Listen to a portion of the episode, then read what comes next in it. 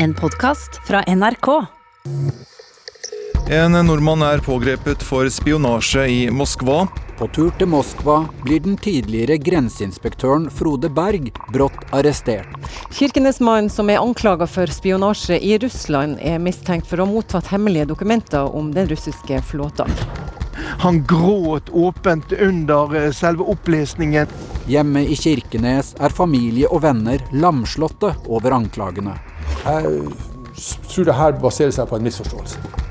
Så hadde jeg faktisk en følelse at det kom til å skje noe. En katastrofefølelse. Du hører på hele historien 'Agent Frode Berg' av Kaja Frøysa. Dette er den første av tre episoder.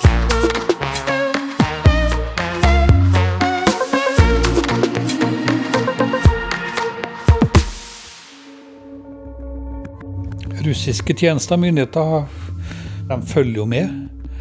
Og Det er klart det kan få konsekvenser for folk når du driver og reiser i Russland også. Forsvarsmannen Frode Berg flytter til grensebyen Kirkenes på 70-tallet. Han begynner i jobb som vakt på grensen mot Russland.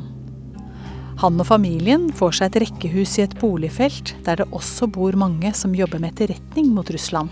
Og Der er jeg naboer med og bodd sammen folk i flere år som jobber i Etterretningstjenesten. Ble kjent med dem, stolt på dem, flinke folk, og lærte meg ikke stille for mye spørsmål til folk i etterretning. I 2014 pensjoneres Frode Berg fra jobben som grenseinspektør. Da blir han kontaktet. Det er en person som jeg stolte på, og det var det en som kunne være med på å avgjøre om jeg var egnet til det oppdraget, for han spurte om jeg ville gjøre han en, eh, eller dem en tjeneste, og jeg er jo selvfølgelig klar over at han jobba for Etterretningstjenesten. Men slik det ble fremstilt for meg, så var det en uskyldig sak. Mannen som spør, er en respektert og godt kjent person i lokalsamfunnet. Det er stort såpass mye på den tjenesten og de folkene som spurte meg om de hadde gode relasjoner til, godt samarbeid tidligere, måten det ble fremlagt på meg, kan du gjøre meg en tjeneste i Russland? Frode Berg blir spurt om han kan ta med seg 3000 euro, som er ca. 24 000 i norske kroner. Det er akkurat under den norske tollgrensen. Noen som trenger penger. Men jeg kan ikke si noe mer om det. Jeg er vant til å ikke stille spørsmål. Han er altså eh, en som er ansatt i eh, norsk etterretning, eh, altså Forsvaret. Og han er også en mann som er lokal arbeiderpartipolitiker. Og denne mannen tar jo tak i han Frode. Journalist og forfatter Trine Hamran. Og han er også en mann som er kanskje typisk for området, egentlig. Han går på elgjakt. Han er en mann som er engasjert i lokalmiljøet. Og jeg tenker vel òg at han er en mann som nyter tillit i lokalmiljøet. Og da er det klart at når han nærmer seg Frode og spør om Frode kan gjøre en tjeneste, så har han jo allerede kanskje litt lettere vei til å få Frode til å si ja.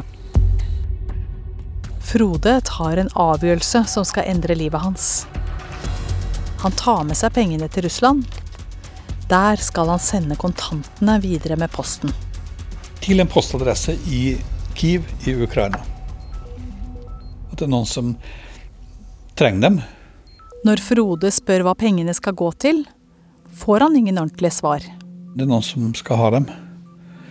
Og det virker mer som om det var noe sånn økonomisk support mot noen.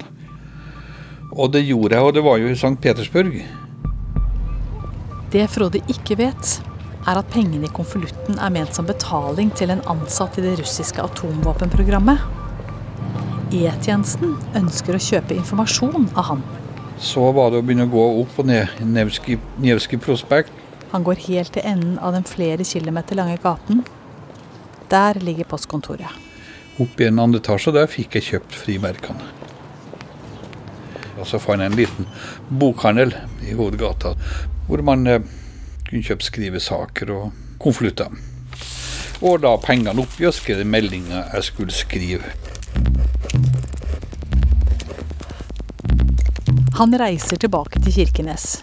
Han hører ingenting fra E-tjenesten på et halvt år. Da tar de kontakt igjen. Han spurte spurt det her gikk så bra, kan du gjøre det en gang til?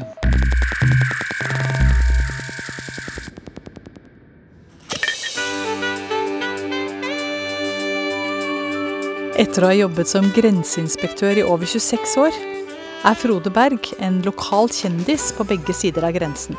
Her er grenseinspektør Frode Berg. Ved grensekommissariatet i Kirkenes så har jo vi daglig telefonisk kontakt med russerne, eh, med russisk grensekommissariat. Eh, vi har oppe i 60 møtedager i året. Hva slags uh, samarbeid har dere med russerne der vanligvis? Ganske åpen informasjonsutveksling med hverandre. Og her var jo Frode veldig i sitt ess. Kan han starte fra den gule bøya? Trine Hamran har laget en dokumentarfilm om Frode. Til, til han har passert 33. Til han har passert 33. Her er de ute på Pasvikelva, som grenser mot Russland. Han Frode er jo en som veldig lett får kontakt med russerne. I og med at han hadde en fleip på lur, han snakka litt russisk eh, for å bryte isen. Han eh, hadde glimt i øyet. Så det blir veldig fort en god stemning eh, rundt Frode. Mandatet sier at vi skal bare bruke følge den gamle kartlinja fra 47. Frode er en jovial og hyggelig fyr som kommer godt overens med russerne. Så man så jo eh, veldig fort for en isbryter Frode egentlig er da, når det gjelder forholdet til russerne. Når jeg fylte 60 år, så fikk jeg ei bok, billedbok fra mine kolleger ved Grensekommissariatet. Både finske og norske, men spesielt russiske, og samværet med dem. Nå ute i felt. Eh, det er Anatoly. Vi blir jo kalt for Knoll og Tott. Jobba med felles mål. Norsk-russiske grenser skal være fri for ulømskheter. Knytta nærmere kontakter, slik at man har vært trygg på hverandre og stolt på hverandre. Russerne følger med på alt som skjer i Kirkenes. I mean, the Russians are trying to monitor what's going on on the other side of the border.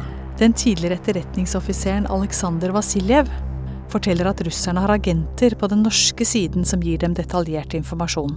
The agents, let's say among Norwegians, those people can provide them uh, a detailed information about what's going on in Kirkenes.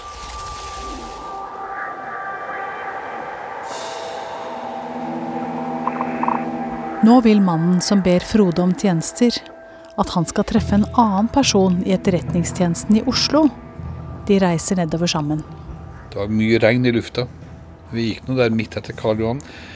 Eh, han, en eh, etterretningsmann, eh, var ganske markert når han gikk nedover der, med hvit frakk og paraply.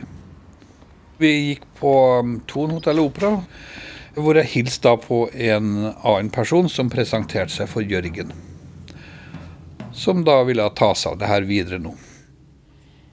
Fra nå av er det han som kaller seg for Jørgen, som er Frodes kontaktperson.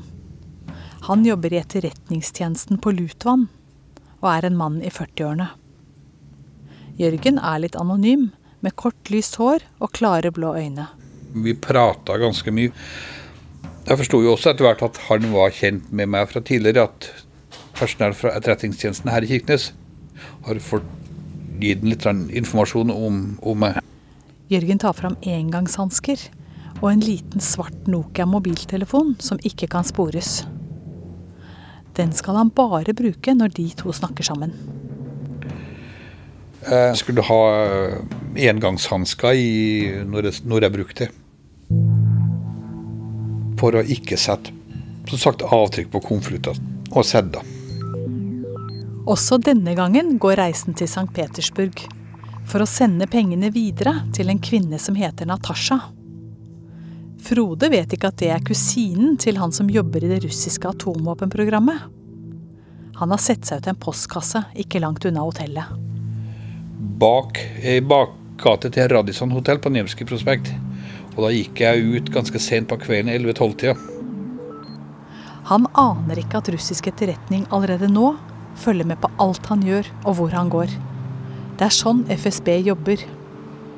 Well, they follow people uh, who, as they suspect, may be spies. Aleksandr Vasiljev, som er tidligere russisk etterretningsoffiser, forklarer at russerne starter med spaning hvis de har mistanke om at en person er spion.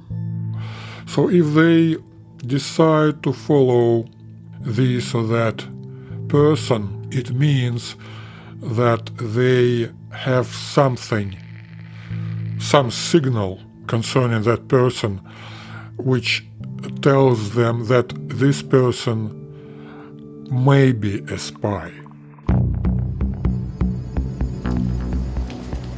For i hovedgatene så er det et eh, kamera på hvert et gatehjørne. De følger med deg. Han merker ikke at spanere har begynt å følge han.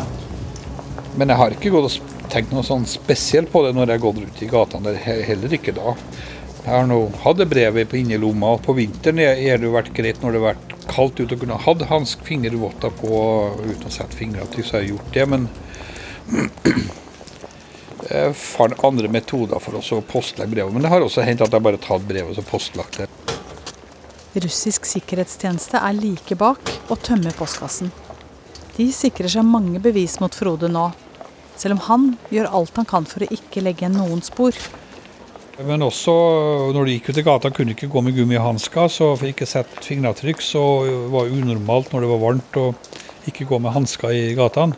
Så jeg brukte en liten sånn eh, hjørne av en tilsvarende konvolutt som jeg stakk på hjørnet og tok fra innerlomma og putta oppi postkassen. Når jobben er gjort, reiser Frode tilbake til Norge og møter Jørgen på Thon hotell Opera. Så han brifa meg opp på det neste tur. Frode skal få dekket reise og utgifter i kontanter, men han får ikke lønn for oppdraget. Han sa jo til meg at ja, ja, skulle noen stille noen spørsmål om hva du holder på med, så er det penger du har sendt for en kar i Kirkenes. Jørgen sier at det neste oppdraget er viktig. Han ber Frode ta med seg et kamera med minnekort. Det er bildene på minnekortet som skal sendes til en adresse. Jeg fikk de 3000 euroene og det minnekortet. I en kjent russisk historiebok Og der var det på spesielle sider 111, 222, 252, finner han adressen og meldingene han skal skrive. 151. Han vet ikke at det er et hemmelig dokument på minnekortet, men han forstår at materialet er beskyttet. Når han skriver 'vedlagt følger 151 bilder fra sist sommer', er det det som er koden for å åpne dokumentet. Så begynte jeg å stille spørsmål. Hva er det her? Hvorfor skal jeg ha med minnekortet? Så går det et helt år før Jørgen tar kontakt igjen. Nå vil han at Frode skal reise til Moskva. Der kan jeg ikke holde på med. Jeg vil være fri. For første gang sier Frode fra. Det her vil jeg ikke mer. Men på nyåret ringer Jørgen igjen på den svarte lille Nokia-mobiltelefonen. Han ber Frode komme ned til Oslo. Så vi møttes. Ehm, Det var antagelig siste turen.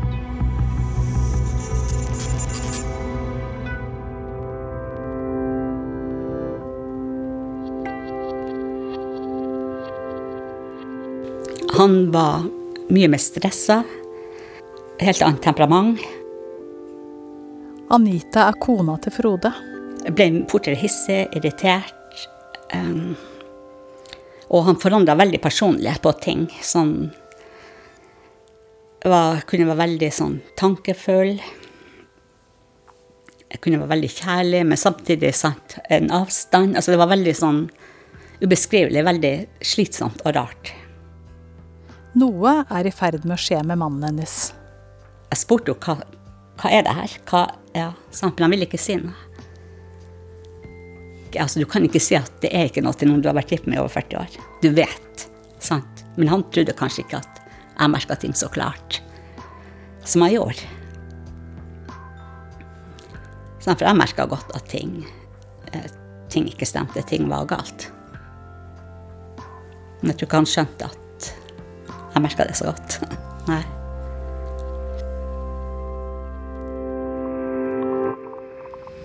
I mars 2017 reiser Frode nok en gang til Moskva for å sende pengene og en kodet melding til Natasha, Han reiser alene som en vanlig turist.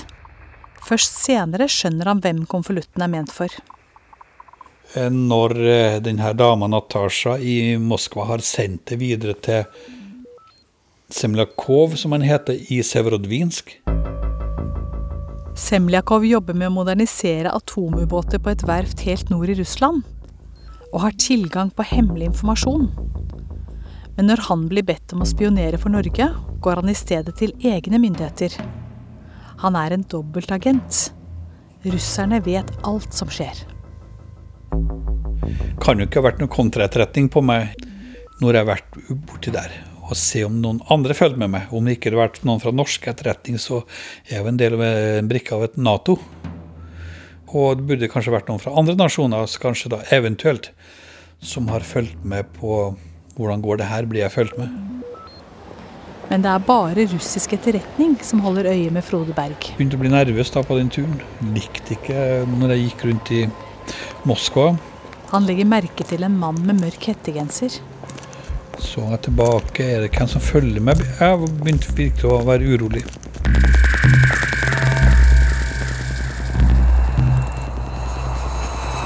Frode kommer seg på flyet hjem til Norge, der han møter Jørgen fra Etterretningstjenesten. For andre gang sier han at han ikke vil dette mer. Jeg ønsker å avslutte her på det møtet. Og jeg gir tilbake en, en egen mobiltelefon. da. Men Jørgen vil ikke ta imot mobiltelefonen og minnekortet. Og han dytter tilbake til meg over bordet. Du er en så god nordmann, og det her gjør du helt perfekt for oss. Og det blir en, en tur til. Eh, Kan du ikke gjøre det?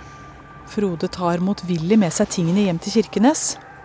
Men nå begynner oppdragene å tære på han. Jeg ble mer og mer urolig utover 2017 og våren, og jeg ble litt sånn Jeg ble jo litt sint etter hvert. På en tur med Hurtigruta er Frode våken og urolig om natten. Når vi nærmer oss Kirkenes og kommer hit, så føler jeg at han, han vil ikke hjem. Han vil bare at vi skal være borte. Sant? Og han sov ikke den natta. Um, tidligere hadde vi vært i Oslo en tur, og siste natta der også, han lå bare og kava. Og ja, fikk ikke sove. Og var sant, så han, han var merka på veldig mange måter.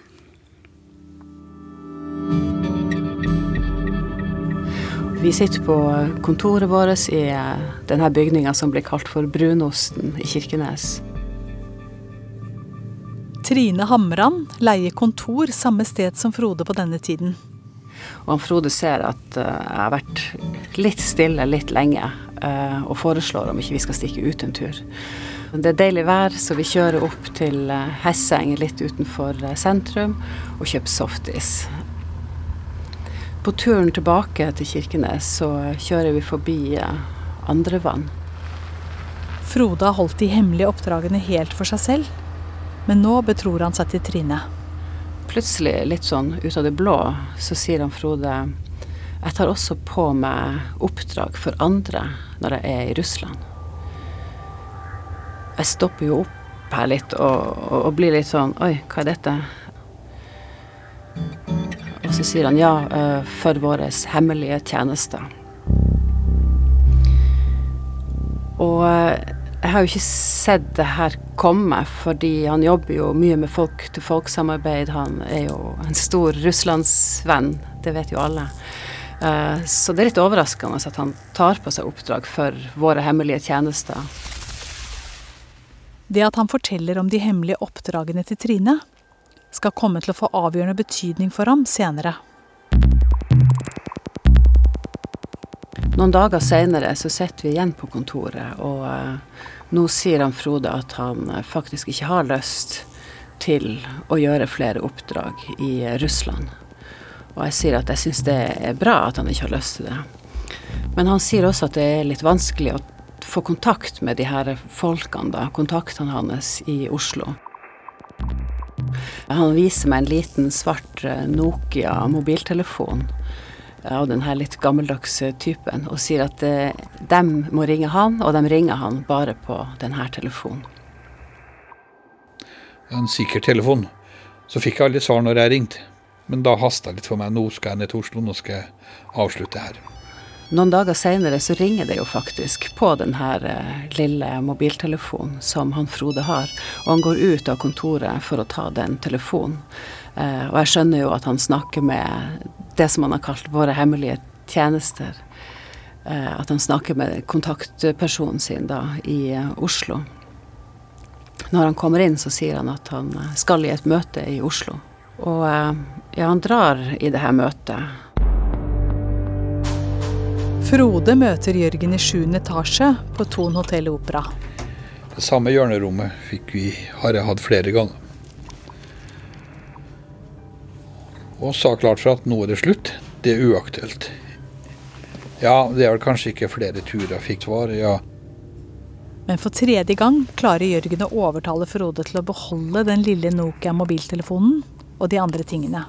Nei, ta det nå med deg. Vent litt, tenk nå litt på det her og hadde spurt han Frode om ikke døra kunne stå på gløtt. Ja, jeg kaller det press og det er manipulering. Øh. Så jeg responderte bare at vet du hva, Frode, den der døra den skulle du bare ha smelt igjen. Men det gjorde han ikke.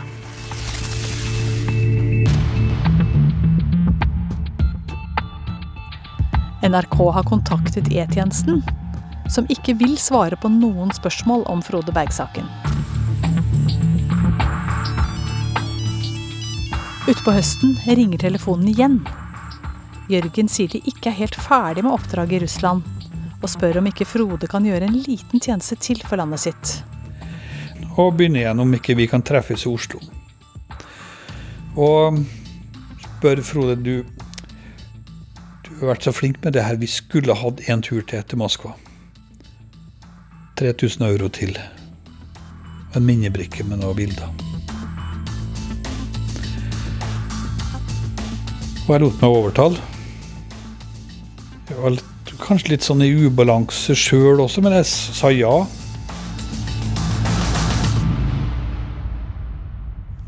Men det klart, det, jo, det var jo påkjenning. Det var det. Sant, og at mange ganger når man kom hjem, sant, så kom følelsene. og hva er det ja. Hva står vi oppi? Jeg visste jo at noe var livløskende galt. Så i oktober så hadde jeg faktisk en følelse at det kom til å skje noe. En katastrofefølelse. Kona Anita er urolig. Eh, at gå med katastrofefølelse på at noe kommer til å skje. Mm. Når Frode kommer til Oslo, foreslår Jørgen at han kan ta med seg kona til Moskva. Ta med deg kona. Så ser det mer naturlig ut at du drar til Russland. Ta med deg Anita. Nei, hun skal ikke være med. Altså, hun kunne være med, hun, selvfølgelig, men det syns jeg var fryktelig merkelig at han var litt opptatt av det at jeg skulle ha med Anita.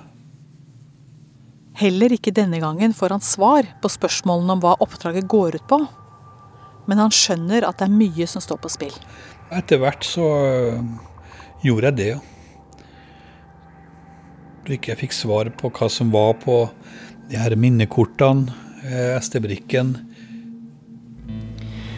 Utpå høsten så er jeg innom øh, kontoret som vi delte, og tar en kaffe.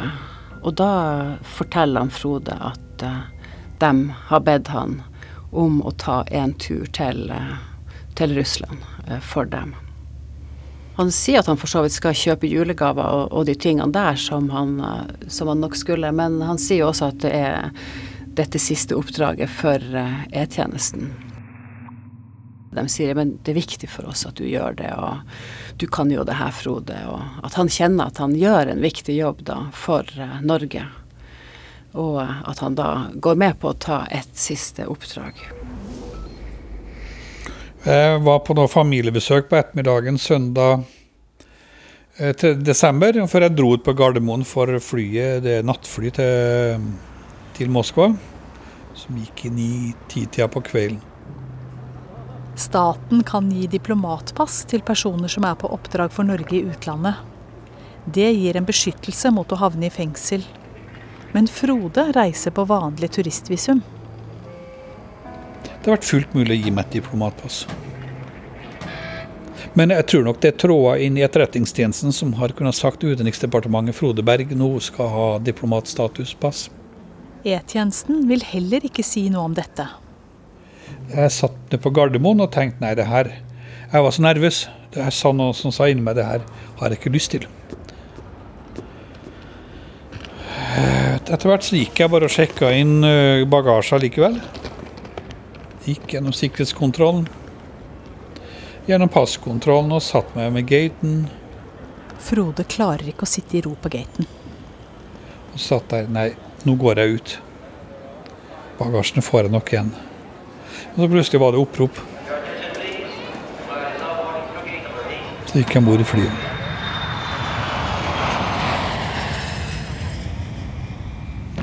Landa på Sjermetjevo flyplassen i Moskva i firetida på morgenen.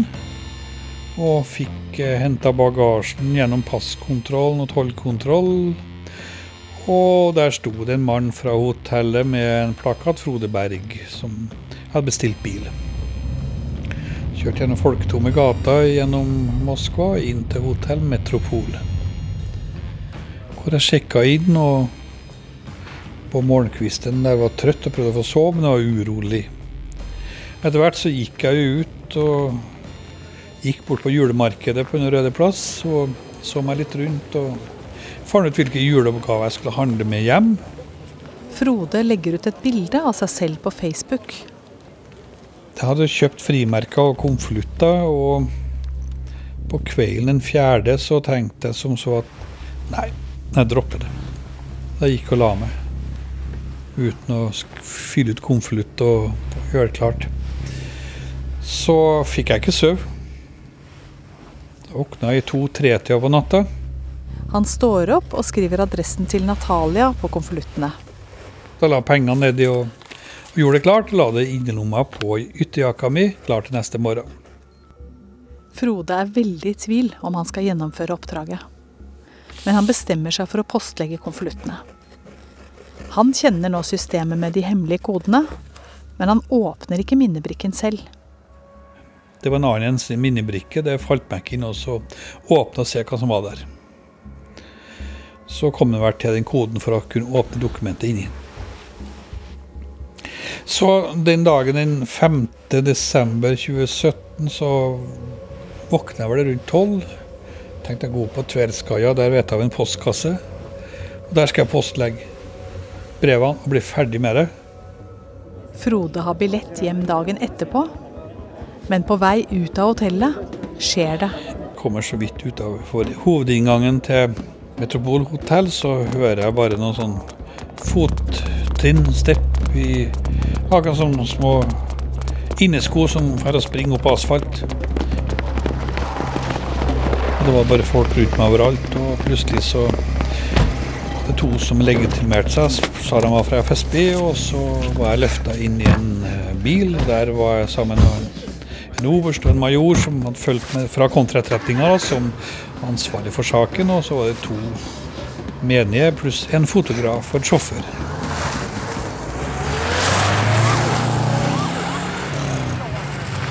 Og Da var det med eskorte fra politibil ut av hotellområdet og opp til kontorene deres, hvor det var ransaking og det første avhøret.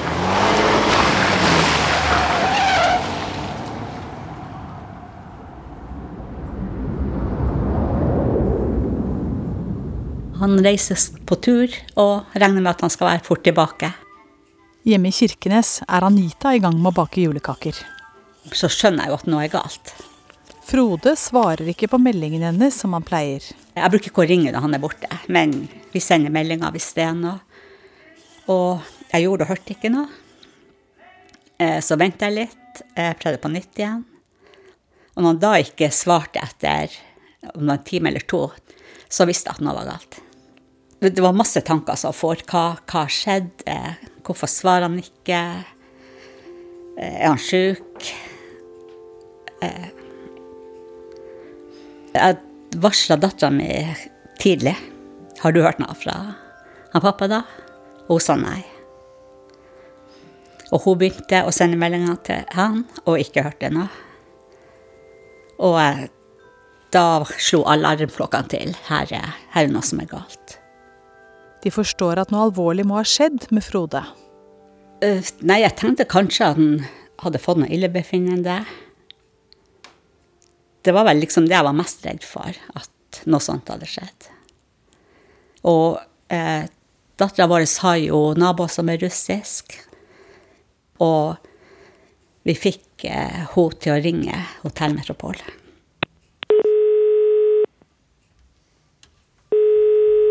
Yes, good afternoon. It is Metropole Hotel speaking. How can I help you?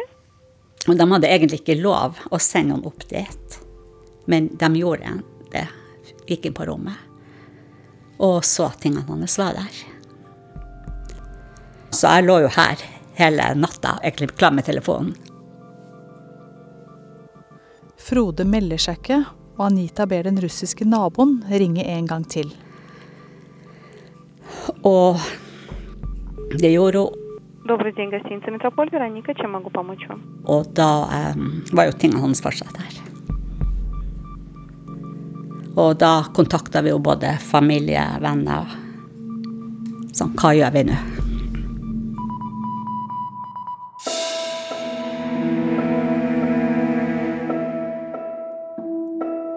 Dette var første delen av hele historien om agent Frode Berg, laget av Kaja Frøysa. Lyddesign Merete Antonsen. Delopptak Venik Best. Redaktør er Siril Heierdal. Produsent var meg, som heter Kjetil Saugestad. For å si det sånn, jeg stoler mer på Frode Berg i sine utsagn enn jeg gjør på norsk etterretning.